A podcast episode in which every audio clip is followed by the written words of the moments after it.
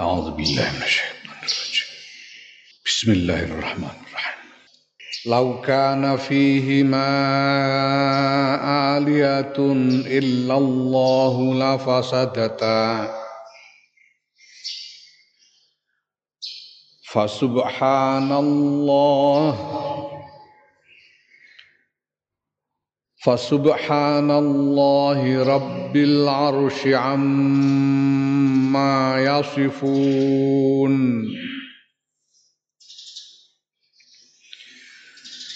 لا يسأل عما يفعل وهم يسألون.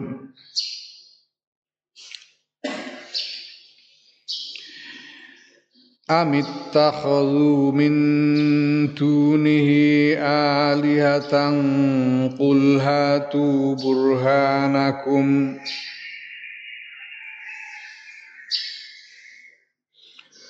قل هاتوا برهانكم هذا ذكر من معي وذكر من قبلي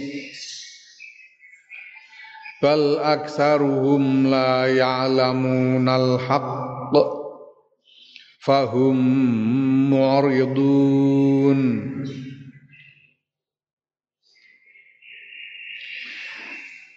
وما ارسلنا من قبلك من رسول الا يوحى اليه الا يوحى اليه انه لا اله الا أنا فاعبدون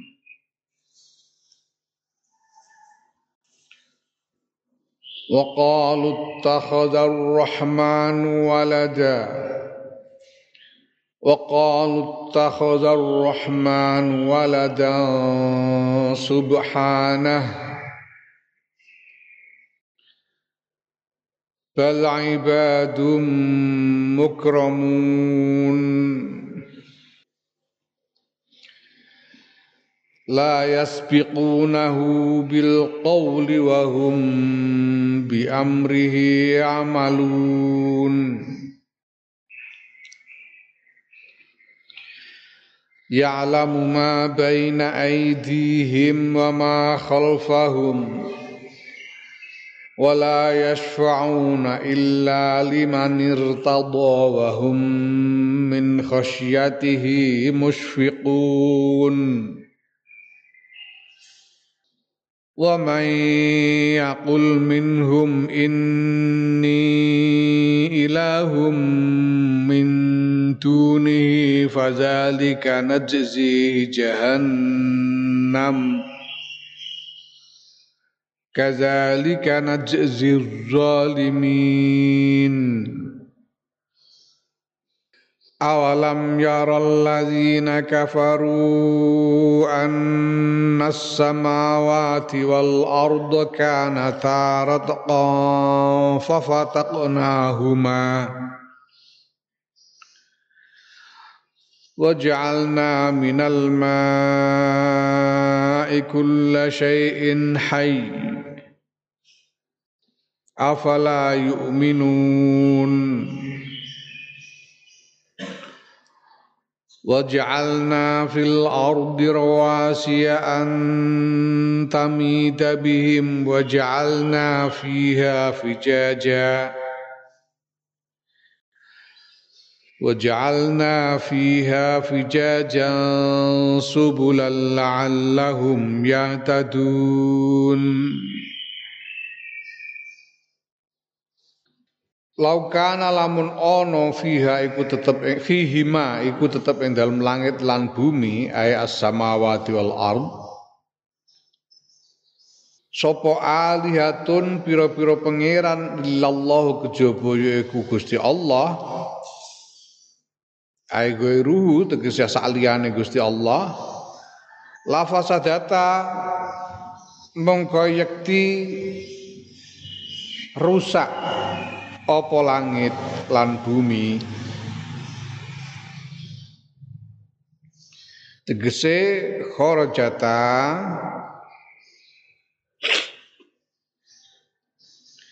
metu apa langit lan bumi? An nizamihima saking tatanane langit lan bumi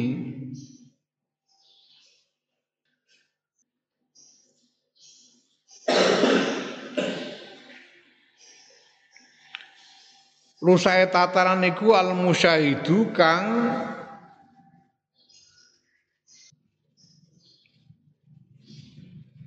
mbuktekake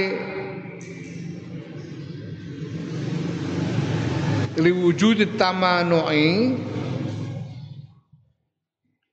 maring anane pertentangan bainahum ing dalam antarane alihah ala wafqil adati ing atase nyocoki kebiasaan inda ta'addudil hakimi dalam nalikane wewilange berbilangnya hakim hukum ya wong kang ngukumi wong kang gawe ketetapan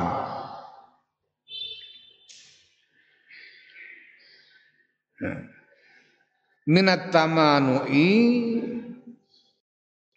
sebab pertentangan fisyai dalam suci-wici wa adamil ittifaqi lan ora anane kesepakatan alaihi ngatasé syai'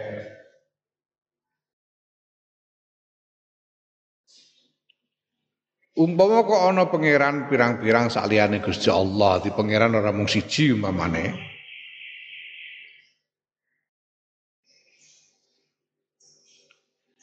Langit bumi iki rusak tatanane, tatanane rusak insyaallah.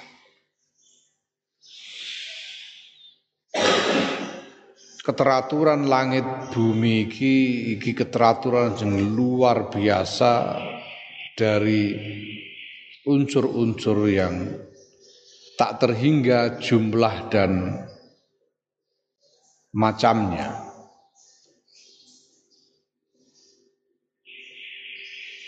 Lagi bumi tok iku ya Allah isine menungso pitung miliar. Duwe karep dewi-dewi.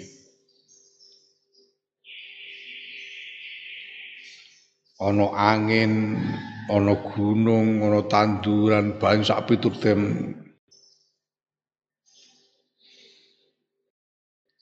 Tapi seluruhnya berjalan dalam keteraturan. Kok dilalah?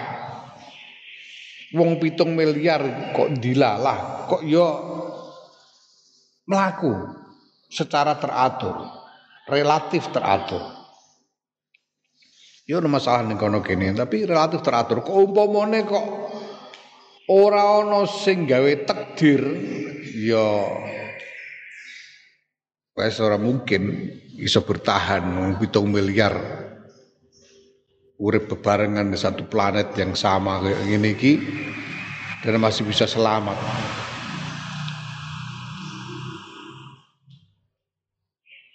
Durung mikir isine langit angkasa yang dipenuhi dengan benda-benda langit di dalam tata surya kita sendiri ini ada satu matahari dan sembilan wakila sepuluh planet yang mengitarinya. Sedangkan ini cuma satu matahari, satu tata surya di antara lebih dari 250 juta tata surya di dalam satu galaksi. Dan satu galaksi itu lebih itu beri apa namanya galaksi-galaksi yang ada di dalam ruang angkasa itu tidak terhitung jumlahnya miliaran. Semuanya berjalan dengan teratur. Ini keteraturan yang tidak mungkin. Pertama tidak mungkin terjadi tanpa ada yang menciptakan. Tidak mungkin. Ono teori terjadinya alam semesta itu ngandakno ya, mereka yang menolak bahwa alam semesta ini ada pencipta. Mereka membuat teori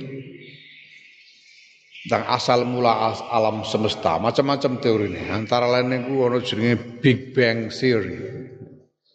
Teori ledakan besar. Bahwa pada mulanya ada ledakan besar di tengah kehampaan angkasa ini kemudian materi-materi yang berserakan itu membentuk planet-planet, bintang-bintang, galaksi dan seterusnya. Ya, tapi harus dibantah. Nek ngono ora mungkin bledos kok terus dadi kabeh teratur padha karo Padha karo gudang rongsokan wesi, bledasel dhuwur terus prek dadi montor pirang-pirang. Hmm, padha karo ngono, ora ana sing gawe mungkin. Alam semesta itu. Nggak mungkin ada yang tidak mungkin terjadi dalam keteraturan seperti ini kecuali ada yang menciptakan.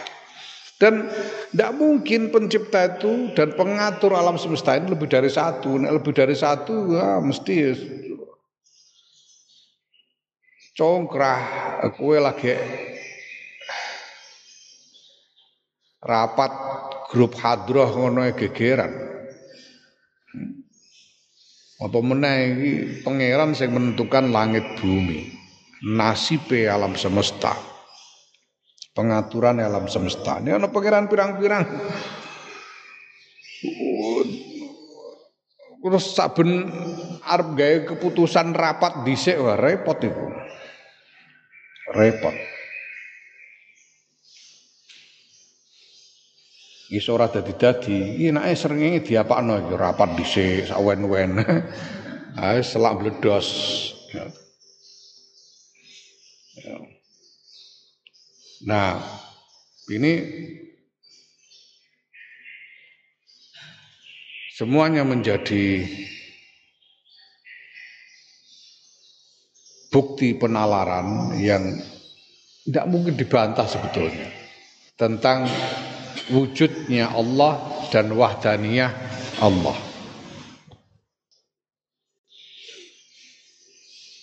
Keesaan Allah.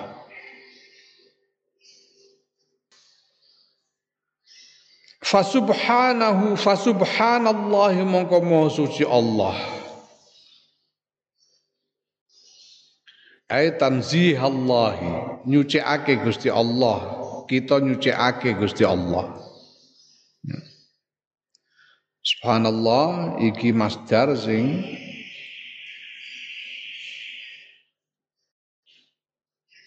fiile dibuang Sabbahnallaha subhanahu ngono asale. To nazzahnallaha tanzihahu. Bejur dibuang. Fi'ile dadi subhanallahi. Nyucikake kita ing Allah. Tegese mau suci Allah Rabbil arsy yaiku zat kang mengirani aras. Tegese zat kang nyiptakake aras. Aras iku apa? Aras iku al kursi, kursi. Tahta. Tahtane piye? Mbah ngono ae dipikir. Amma mau suci amma sangking barang yasifuna kang padha nyipati sapa wong-wong kafir wong musyrik. Ay al kufari padha al kufaru padha nyipati sapa al kufaru wong-wong kafir Allah ing Gusti Allah. Bihi kelawan ma nyipati sing piye? Nyipati bayane minasyariki yaiku saking anane sekutu lahu kedue Allah. Wa ghairi lan penyipatan-penyipatan liyane sing ora patut. Nganggep bahwa Gusti Allah kagungan syarik nganggep Gusti Allah kagungan putra sak piturute iki kabeh penyipatan sing ora patut kanggo Gusti Allah.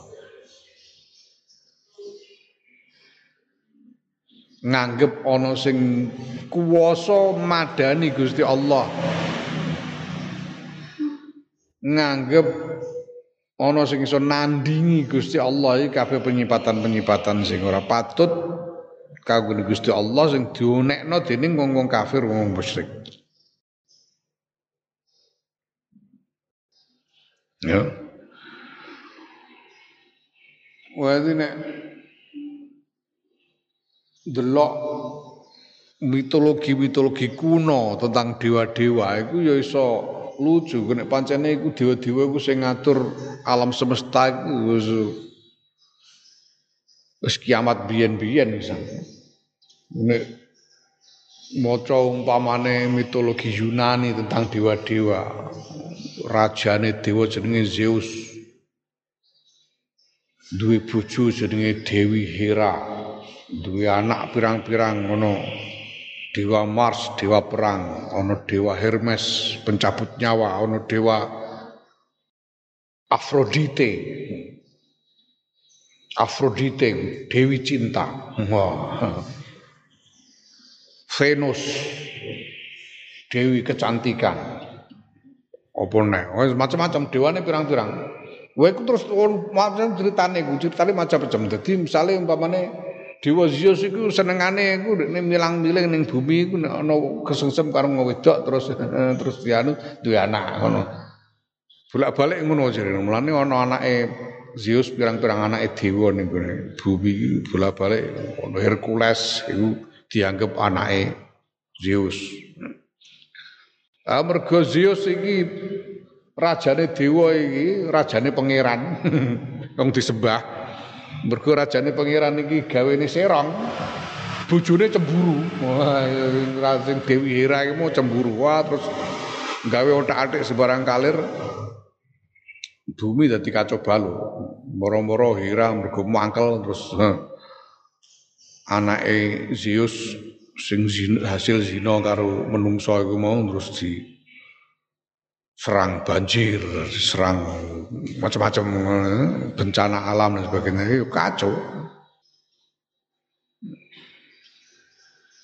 Cerita dewa-dewa India iki ya padha ae, padha ae ana Betara Guru piturute. Nah pintere Wali Songo, pintere Sunan Kalijaga mbiyen cerita dewa-dewa diplesetno diplesetno sehingga seolah-olah iki ora kok dewa sing ngatur alam semesta tapi cara mono wis kaya pejabat-pejabat lah. Pejabat-pejabat sing noto rakyat kira-kira. Walhasil pokoknya nek pangeran kok ora tunggal esa alam semesta ini tidak akan bertahan.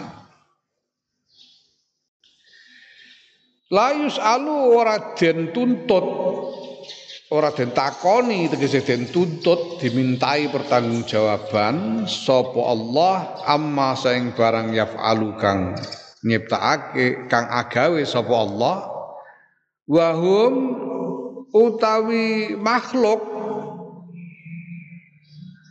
menungso lan liya-liyane iku yusaluna bakal den takoni bakal dimintai pertanggungjawaban an afalihim sae pira-pira perbuatane menungso.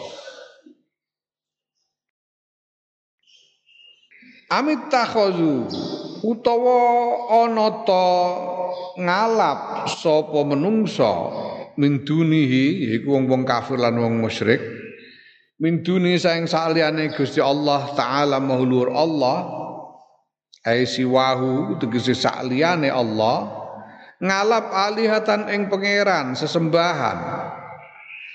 Fihi ku tetep ing dalam am istifham taubihin utawi istifham taubih istifham sing maknane ku maidu maidu apa ya kowe apa ya menungso iku arep nyembah liyane pangeran, liyane Gusti Allah. Itu gale pitakon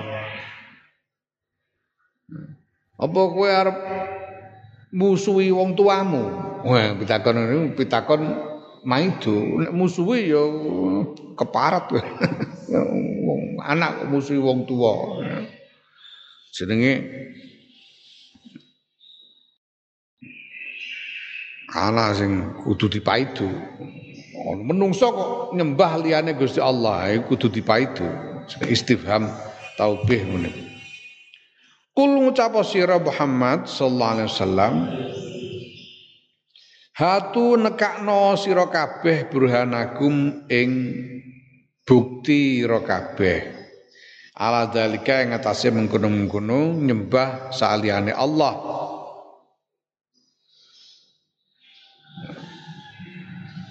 Sementara wala sabila hale ora ana dalan iku maujud ilahi maring burhan. Ora mungkin jajali di buktine nek ana liyane Gusti Allah sing patut disembah. Ora ana buktine bakal ana buktine Hadza utawi iki yiku tauhidullah nyawijiake Gusti Allah iku zikruman zikire wong Ma'ya kang tetep sertane ingsun Muhammad sallallahu alaihi wasallam ai ummati tegese umat ingsun Kanjeng Muhammad sallallahu alaihi wasallam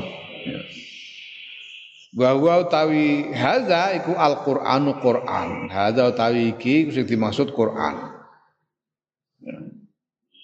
Tegese ajaran-ajaran yang ada di dalam Quran termasuk ajaran tauhid.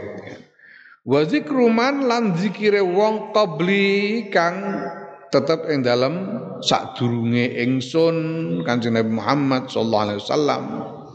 Yaiku minal umami bayane saking pira-pira umat.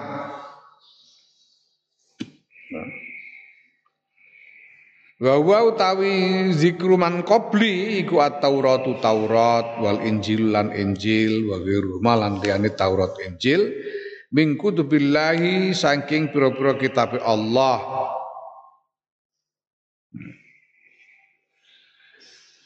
Nek didelok saking kabeh kitab-kitab Allah iku mau laisa ora ana fi wahidin ing dalam siji minha saking kutubillah apa annama Allahi sedune ku tetep sertane Gusti Allah ilahan sesembahan mimma saing barang kaulu kang padha ngucap sapa wong-wong kafir Delok ah iku kitab-kitabe Gusti Allah ajaran-ajaran wahyu-wahyune Gusti Allah sing biyen-biyen ora ana, ora ana wulangan kok nyekutokno sak liyane Gusti Allah ku ora ana.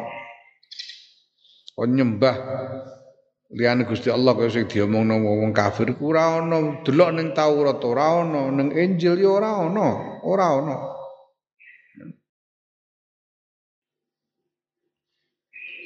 Golek ning Injil sa Injil sing beredar saiki lho goleki ana Nabi Isa, ana tembung Nabi Isa njaluk disembah iku ora ana. Ora ana. Ora ana blas.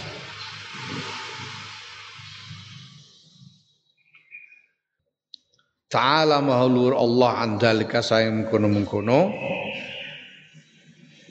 ana pangeran, ana sesembahan saliyane Allah ora ana babar bisa.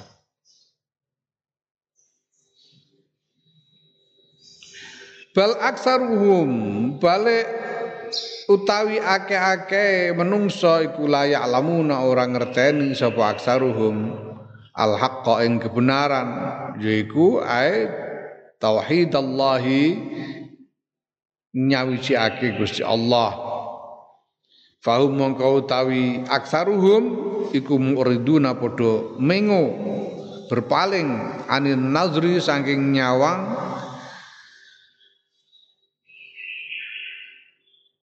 Al musili kang nekaake ilahi maring tauhid. Mereka tidak mengerti kebenaran bahkan berpaling dari kebenaran. Yang jelas-jelas mengarah kepada kesimpulan bahwa Allah wujud dan tidak ada Tuhan yang berhak disembah selain Allah. Tapi wong-wong iku ora gelem, ora gelem kowe moh nampa. Niat moh. Niat ming. Ya. Wong ora usah nyawang ngeling-eling uripe dhewe sing wis dilakoni. Kaya ngopo terjadi ya kowe nek ngeling-eling uripmu dhewe pira wae Gusti Allah paring pitulungan marang awakmu. Ngomong-ngomong soal um, rasionalitas, tapi sebetulnya sepanjang hidup kita ini ada begitu banyak pengalaman yang irasional. Kok morong-morong ini, kok morong-morong ini. Ya.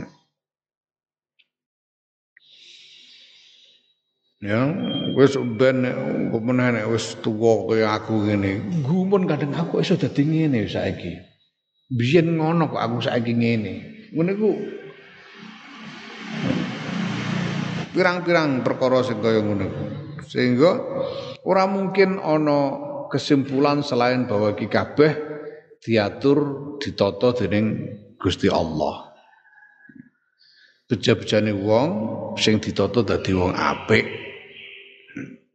Muga kowe kabeh paringi takdir dadi wong apik-apik Wa arsalna lan ora ngutus sapa ingsun Allah min qablika saking sadurunge sira Muhammad sallallahu alaihi wasallam min rasulin saking siji utusan illa yuha kejaba haliden wahyoake den paringi wahyu sapa rasul iki siji qiraah oleh maca yuha wa fi qiraatin lan ing dalem qiraah liyane oleh maca nuhi. Kejaba paring wahyu sapa ingsun Allah. Binuni kelan nun wa kasril hai lan kasroe ha. Ana sing maca yuha ana sing maca nuhi. Yuha iku faile dom sing domir sing dadi fa'il rujuk marang rasul. Nek nuhi iku domire mutakallim tegese Gusti Allah selirane Gusti Allah Subhanahu wa taala. Ilaihi maring rasul yuha den wahyuake. Op ilahi maring rasul utawa nuhi paring wahyu sapa ingsun Allah ilahi maring rasul apa annahu setuhune kelakuan iku la ilaha ora ana pangeran kang hak den sembah ku maujud illa ana kejaba yaiku ingsun Allah fa'buduni mongko padha nyembah sira kabeh ing ingsun Iki buang ya mutakalim ngerekakin nun wiqayah. Tegese fa'buduni ae wahiduni padha nauhidake sira kabeh ing ingsun. Kabeh utusan-utusan Gusti Allah iku kabeh iku nggawa wahyu sing isine la ilaha illallah isine tauhid. Wahyu tentang tauhid. Semua utusan. Apa meneh? Kanjeng Nabi Muhammad sallallahu alaihi wasallam.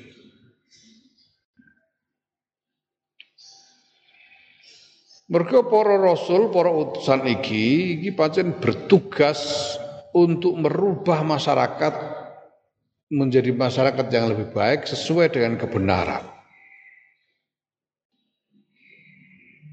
Jadi aku itu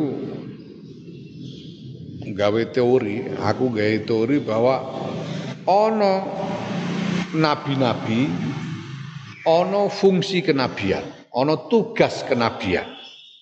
Ono nabine, ono tugas kenabian. Tugas kenabian itu apa? Nek nabi jelas bahwa tugas. Tapi ono sing tugas, ono tugas kenabian sing tegese tugas sing kaya nabi. Senajan ora nabi.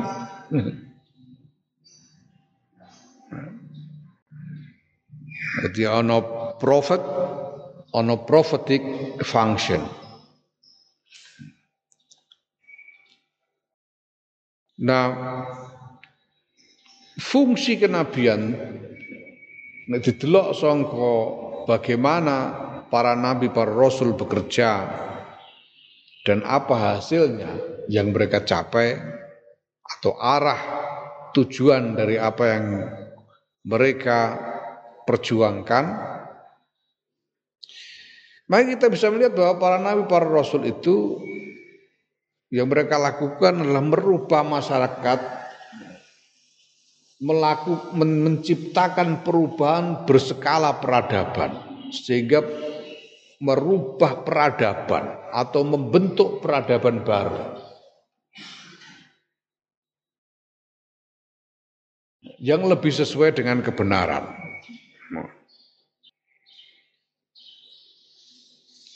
Jadi prophetic function itu to initiate transformation in civilizational scale in accordance or in alignment with the truth. Mu dengar murah ya wis. Iku fungsi kenabi. Nah sepanjang sejarah itu ono para rasul, para nabi sing memang tugasnya seperti itu ono wong-wong sing dudu rasul dudu nabi tapi di dalam hidupnya mereka membuat inisiatif sing pocing sejenis karo inisiatifnya para nabi para rasul dan menghasilkan apa jenenge transformasi berskala peradaban Mulane Kanjeng Nabi al ulama warasatul ambiya. Sing diwarisi apa fungsi iki? Fungsi kenabian iki.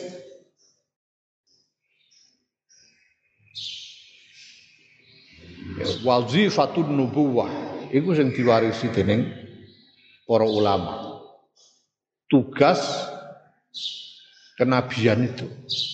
Fungsi kenabian itu. Mana ulama-ulama itu ulama sing sejati mereka menghasilkan perubahan di berbagai tingkatan.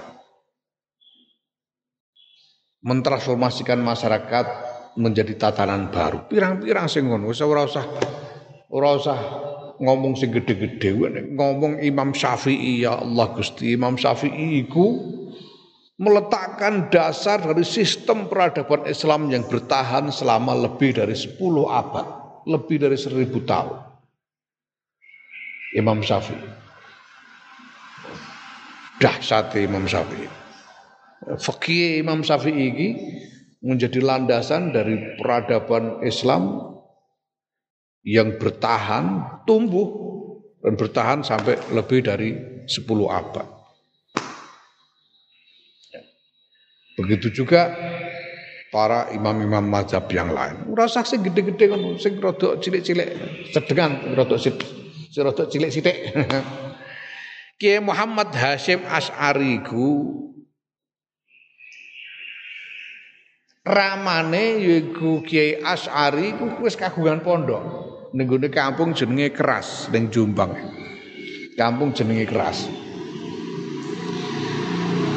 Mestine ngono Kiai Hasyim Asy'ari ku nek nalika kundur saka Mekah terus mulang ning gone keras wis kepenak, wis ana pondoke, ana santrine kari mulang.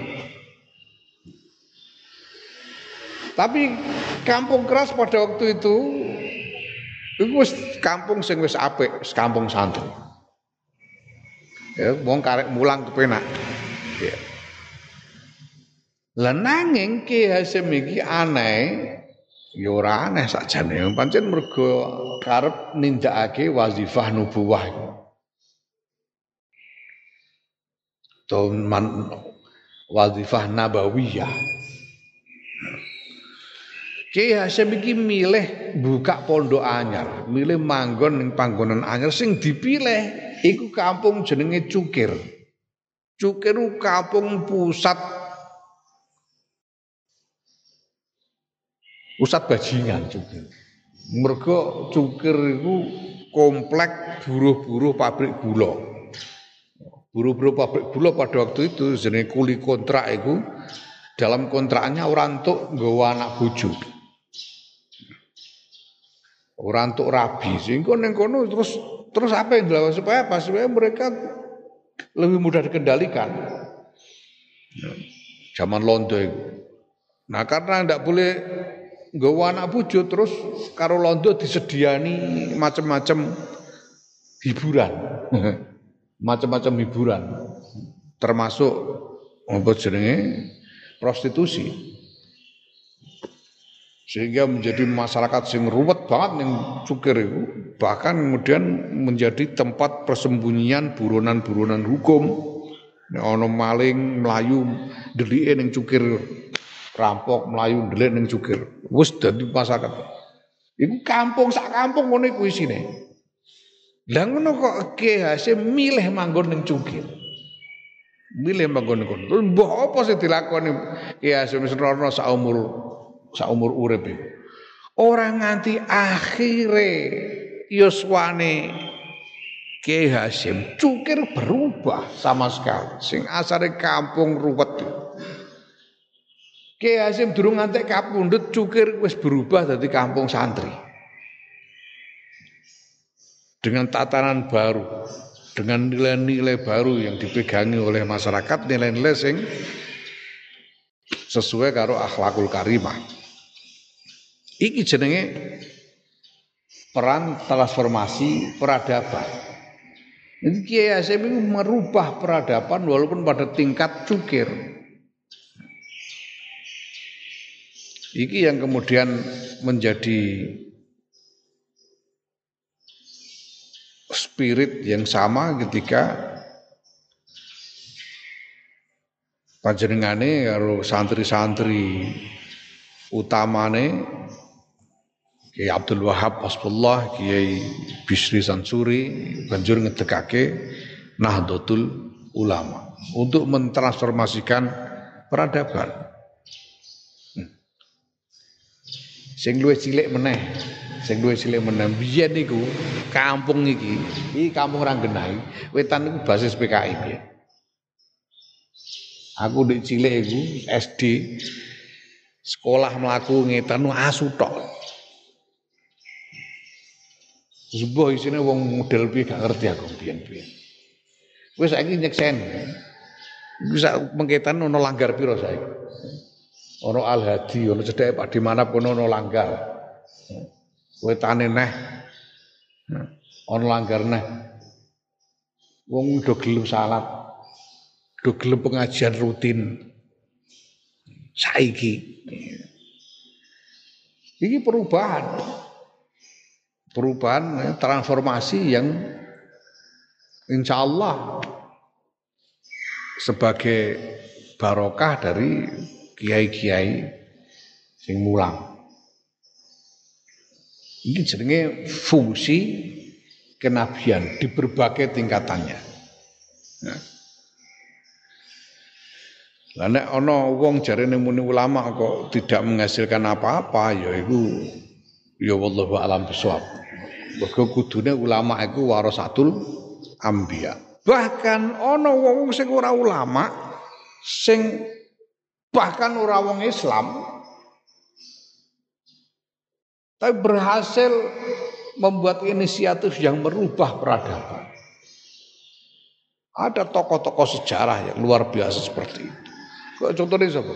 Contohnya Abraham Lincoln. Ini presiden Amerika.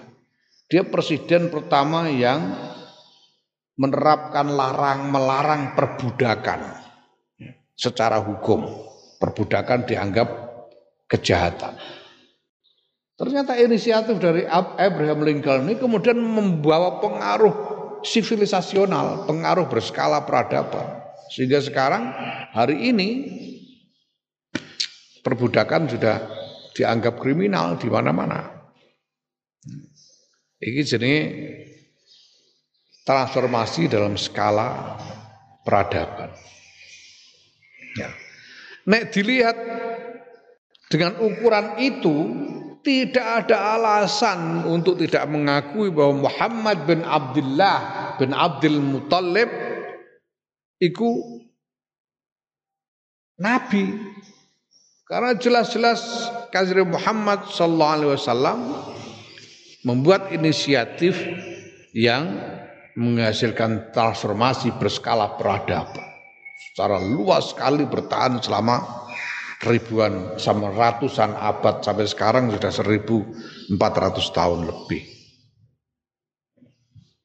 Ini fungsi kenabian. Hal yang sama terjadi dengan Nabi Musa alaihissalam yang kemudian diteruskan turun temurun sampai ke zamannya Nabi Sulaiman alaihissalam.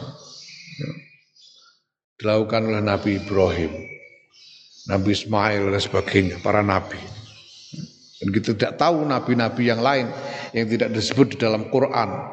Karena di setiap umat, setiap kaum itu pasti ada nabi. Setiap kaum, setiap generasi ada nabi. Ning Jawa itu mbiyen ya nabi, Bu sapa? Bu sapa wallahu alam. Nah iki. Nah, peradaban sing adil, sistem kemasyarakat yang kemasyarakatan yang adil. Iku pertama-tama kudu dimulai dengan landasan tauhid, tidak bisa tidak. Mulane semua utusan-utusan Allah itu sing digawa nomor siji tauhid. Landasane kudu tauhid. Nomor siji tauhid. Mulane aku ngomong bahwa Kanjeng Nabi ku sing dipikir ora penduduk Mekah tok. Sing dipikir nasib alam semesta. Mulane sing pertama kali diartikulasikan adalah tauhid. Yang pertama kali didakwahkan adalah tauhid, ngajak uang marang tauhid. Karena itu adalah kunci dari perubahan masyarakat ke arah yang lebih baik tauhid. Oh tauhid bisa. Ya. Dakwah no tauhid itu yang penting. Nek terima mengurangi kezoliman, menegakkan sistem yang teratur saja nih ya orang aku bayangno ora ora patek angel trimo sak Mekah ngono zaman semono. Mekah zaman semono iku apa penduduke mbok luwih akeh saka kampung leteh iki mbok ora. Trimo ngatur Mekah cukup wong sekelas lurah ngono cukup zaman semono. Kenapa kok butuhkan seorang Rasul Muhammad sallallahu alaihi wasallam? Mergo yang dibutuhkan adalah masa depan seluruh peradaban umat manusia bahkan seluruh alam semesta. Nah itu semua harus dimulai dengan tauhid. Dan tauhid itu eh, manifestasi tahan dari tauhid itu apa? Pengejawan dari tauhid itu. Jauh tauhid itu sholat. Wong nek gelem salat barokah. Mergo tauhid. Saya akeh wong sing salat saya selamat masyarakate. Mergo iki nggo barokah kanggo liya-liyane. Mulane aku curiga Timur Tengah kocar kacir menawa mergo sakjane ya ketoke wonge kaya Islam kabeh tapi menawa sing salat ora kaya ning kene. Wong Kiai Maimun tau ngendika ning kene dawuh Kiai Maimun. Wong sing salat ning leteh iki luwih akeh tinimbang sak Kairo jare ngono. Iki wong sing gelem salat ning leteh luwih akeh tinimbang wong sing gelem salat ning ning Kairo. Padahal leteh penduduke mok pira paling-paling 3000. Kairo penduduke 30 juta. sing salat ning leteh luwih akeh tinimbang ning Kairo jare Kiai. Salat itu penting, salat itu penting. Allahu alam bisawab.